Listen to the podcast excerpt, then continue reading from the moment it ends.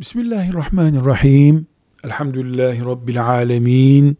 Ve salatu ve selamu ala seyyidina Muhammedin ve ala alihi ve sahbihi ecma'in.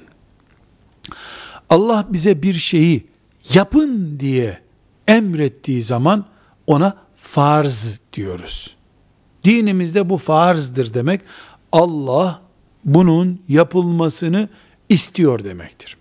Eğer bir şeyi yapmamamızı emrediyorsa Allah, bunu yapamazsınız diyorsa ona da haram diyoruz. Haramı çok güncel bir ifadeyle yasak diye anlayabiliriz. Allah'ın yasakları demektir. Mesela zina haramdır yani yasaktır. Faiz yasaktır, haramdır demek olur. Velhamdülillahi Rabbil Alemin.